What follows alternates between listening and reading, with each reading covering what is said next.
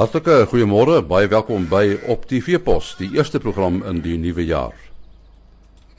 Ja, so op die eerste dag van uh, die nuwe jaar 2015 praat ons uh, oor 'n belangrike saak vir uh, enige veeboer vir die landbou en dit is die weer. Ons praat met Johan van der Berg van Santam Landbou. Johan, as mens nou terugkyk na 2014, daar was slegte tye wat die weer betref en goeie tye, né? Nee? En ja, as mens begin 2014 Uh verlede jaar hierdie tyd is dit oor groot gedeeltes uiters droog gewees, toestande baie swak. Maar dit is daarom daai veranderende reën einde Januarie gekry en dit het nogal toestande heelwat verbeter. Uh wat daarna het ons nogal die res van van verlede somerseisoen en na die goeie reën het ons eintlik weer 'n redelike droë tyd gehad. Uh Februarie, Maart, April het dit het dit nie val maart april en later nie veel gereën nie. So ons het steeds met redelike swak toestande hier by die winter gesit oor groot gedeeltes. Ehm um, maar hiervan die laaste deel van Oktober af in November en Desember uh, het ons ek baie goeie reën oor groot gedeeltes gekry. Daar is nou gedeeltes wat baie baie swak uh die verre noordelike gedeeltes van die Noord-Kaap Kalahari gedeeltes is daar kolle wat regtig maar baie kritiek is. Maar oor die algemeen lyk toestande eintlik baie goed. As jy nou uh, eh, 2014 vergelyk met vorige jare, uh, sou jy dit as 'n effe droë jaar beskou of of wat sou jy sê? Ja, as mens die kalenderjaar kyk, sou ek sê die eerste deel van die seisoen, uh was ons nog uh, ons het goeie reën gehad einde Januarie en selfs Februarie. Uh maar uh mens kan sê dit was ondergemiddelde reënvaljaar uh vir die gedeelte voor die somer. Uh of, of voor die winter ten minste. En na die winter die eerste gedeelte daarna ook onder gemiddeld, maar as jy mens kyk die laaste klompie laaste 2, 3 maande uh van die ou jaar, het dit eintlik baie goed gereën oor oor redelike groot gedeeltes. En 'n mens kan sê op hierdie stadium is ons waarskynlik uh vir die somerseisoen se eerste deel, uh die 2014-15 seisoen is ons gemiddeld tot selfs bo gemiddeld oor groot gedeeltes. So jy dink die grondwater het eh, het goed bygekom? Um oor redelike groot gedeeltes uh was die grond het die grondwater redelik bygekom. Uh ons het in in heelwat gevalle het ons redelike reën gehad van 20, 40, 50 mm wat baie effektief was. Uh redelike sagte reën uh, in in so uh, baie van hierdie reënbuie So die reënwater, ag die grondwater op hierdie stadium is redelik goed. Uh mens kan nie sê dit is 100% of baie goed nog nie. Uh maar dit is op hierdie stadium oor groot gedeeltes redelik goed. Behalwe as ek sê in gedeeltes van die Kalahari en meer die westelike gedeeltes uh is daar nog uh, weidingstoestande wat baie swak is as gevolg van 'n gebrek aan water. Daar is nou boere, veel boere wat sê dat dit lyk of die seisoen uh so 'n bietjie verder aanskuif. Uh, is daar enige waarheid in hierdie stelling? Dit is baie moeilik om om regtig maar altyd dit te kwantifiseer. Uh as ons na die laaste paar jaar kyk, wil dit tog so voorkom. As jy mens kyk tot hoe laat het ons koue toestande in ryp gekry, ons het vanjaar nog ek dink hier in November het ons nog kokkel uh, rypskade se goed gehad. So dit lyk tog asof daar 'n bietjie verskuif is. Maar uh, dit ons het in die verlede ook al gesien, dit kan 'n tydelike verskuiwing wees. Uh dat stelsels weer na 'n paar jaar uh 'n ander tipe van patroon begin volg. Ehm uh, maar as mens ook na die reënval self kyk, lyk dit tog asof die September-November periode, ag September-Oktober periode, die laaste klomp jare eintlik baie min reën gehad gehad het. Uh, een van die voorbeelde is ons kyk na die koringoes, die droëland koringoes in die in die Vrystaat. Uh is omtrent nou die boere plant omtrent nie meer koring nie omdat die reën te laat kom. Eers in Desember, Desember se kant wanneer dit te laat is vir koring. So uh dit lyk tog asof daar 'n bietjie verskywing voorgekom het, maar weer eens of dit 'n permanente skuif is, uh ek dink nie so nie. Dit behoort weer na 'n paar jaar gaan ons weer na 'n tipe van siklus ingaan.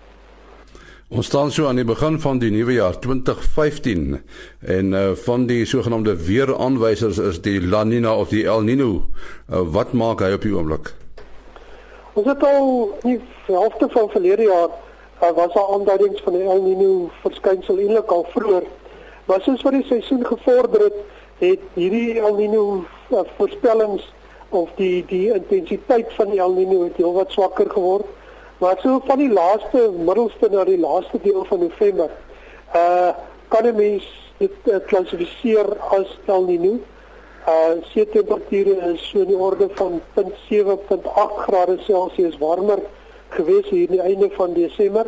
Ehm uh, wat so 0.2.3 grade Celsius bo kan die limiet vir El Niño is. So ons sit in 'n baie baie swak El Niño. Uh as jy mens gaan kyk na die effek van die El Niño dan het dit eintlik meer 'n neutrale effek uh wat wat dui dat dit eintlik meer uh na die neutrale see temperature se effek is as 'n El Niño se effek. En dit lyk ook asof die El Niño baie naby aan die draaipunt is. So op hierdie stadium kan 'n mens sê tegnies is daar 'n El Niño, maar dit lyk nie regtig waar of hy die normale effek het uh van die El Niño nie omdat hy baie swak is en eintlik meer neig na neutrale toestande. Klimaatsverandering, uh, is daar nou al vir jou werklike tekens van klimaatsverandering hier in Suid-Afrika? Dis een van die baie moeilike goed. Ons het hier in die begin ook gepraat oor siklusse. Uh as jy mens gaan kyk, eerstens is dit moeilik om dit regtig waar te kwantifiseer.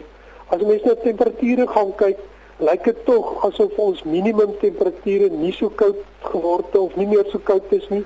As mens na die tendens gaan kyk, alhoewel die afgelope winter uh het ons weer baie of eintlik rekord minimum temperature gehad.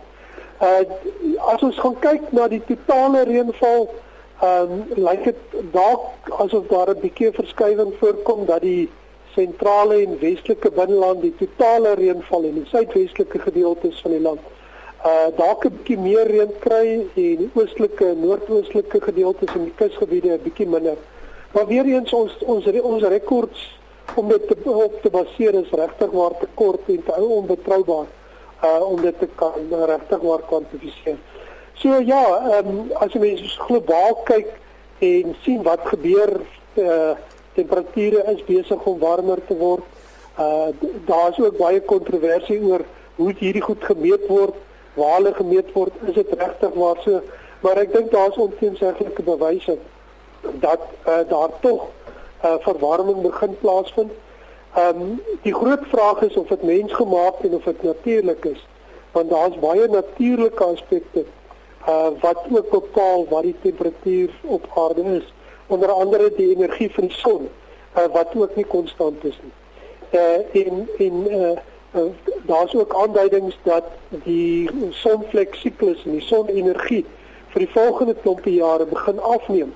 Voorstellings wys dit en dit kan 'n uh, 'n afkoel effek op die aarde uh of dit die huidige globale verwarming kan teewerk uh dis baie moeilik om regtig vaar te sê wat is die invloed van elkeen uh in in uh globale verwarming aan die, aan die een kant en dan hierdie sonenergie wat besig is om uh tydelik af te neem dit lyk vir 'n paar dekades kan dit 'n bietjie die die die, die toename laat uh, minder word maar dit is baie baie moeilik om regtig waar te sê Dit lyk tog of daar of die ekstreme toestande ook uh, aan die toeneem is dat dat die, dat die koue baie erger is en dat die hittegolwe ook baie erger is.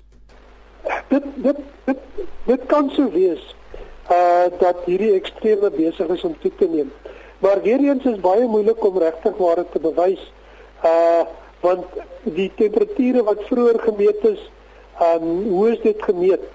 uh en uh, reënval ook uh, hierdie intensiteite wat baie hoog is en en as 'n mens baie mooi gaan studies doen dan uh, ek het byvoorbeeld vir vir Durban omgewing het ek 120 jaar se data gaan vat en gaan kyk na hoeveelhede reën wat per dag voorkom om dit besig is om toe te neem en dit het regtig daar was baie meer intense reënval storms uh hier in die 1920s 1930s as wat die afgelope 20 jaar was Uh een van die dinge uh mense ervaar ook baie keer meer ekstreme toestande.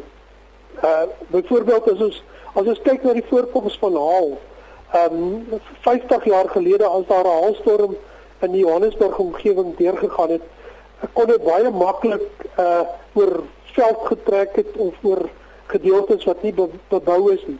As daar nou 'n haalstorm enige plek tussen Vereniging en Noord van Pretoria deurkom, dan veroorsaak dit al want oral is geboue en oral is is motors wat rondry. Ehm um, so daar's ook 'n aspek dat die omgewing het begin verander en dit is dalk 'n groter gevaar uh, as wat klimaatsverandering en hierdie ekstreme uh, voorbeelde van uh, van van klimaat uh, wat voorkom kan wees. Ja, dit is nou al 'n bietjie vroeg om daaroor te praat, maar dink jy die winter gaan 'n bietjie later kom? Sjoe, ons is nog in die middel van die somer. Dis baie spekulatief. As jy mens gaan kyk, eerstens ek gaan nou 'n bietjie lang aanloop vat. Uh, dit lyk tog asof hier nog 'n klompie reën gaan voorkom uh hier in die tweede week van Januarie en dan weer hier na die middel van of die tweede deel van Januarie. Uh en dit lyk asof Februarie dalk 'n bietjie droër kan wees. Maar tradisioneel as daar nie El Niño is of 'n sterk El Niño nie, dan is die die kanse vir vroeë winter swak. So die kanse dat ons vanjaar baie vroeë ryp gaan kry, uh is is kraal omdat ons sit in 'n swak El Niño en die El Niño is besig om op te breek. En dit lyk tog asof hier nog 'n klomp reën kan kom. So die kanse dat ons voor ons tradisionele rypdatums van hier middel na einde April uh ten vroegste gaan ryp kry, lyk nie baie goed vir jaar nie.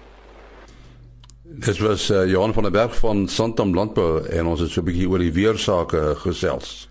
Môreoggend is ons weer hier. Tot dan, alles van die beste. Ah.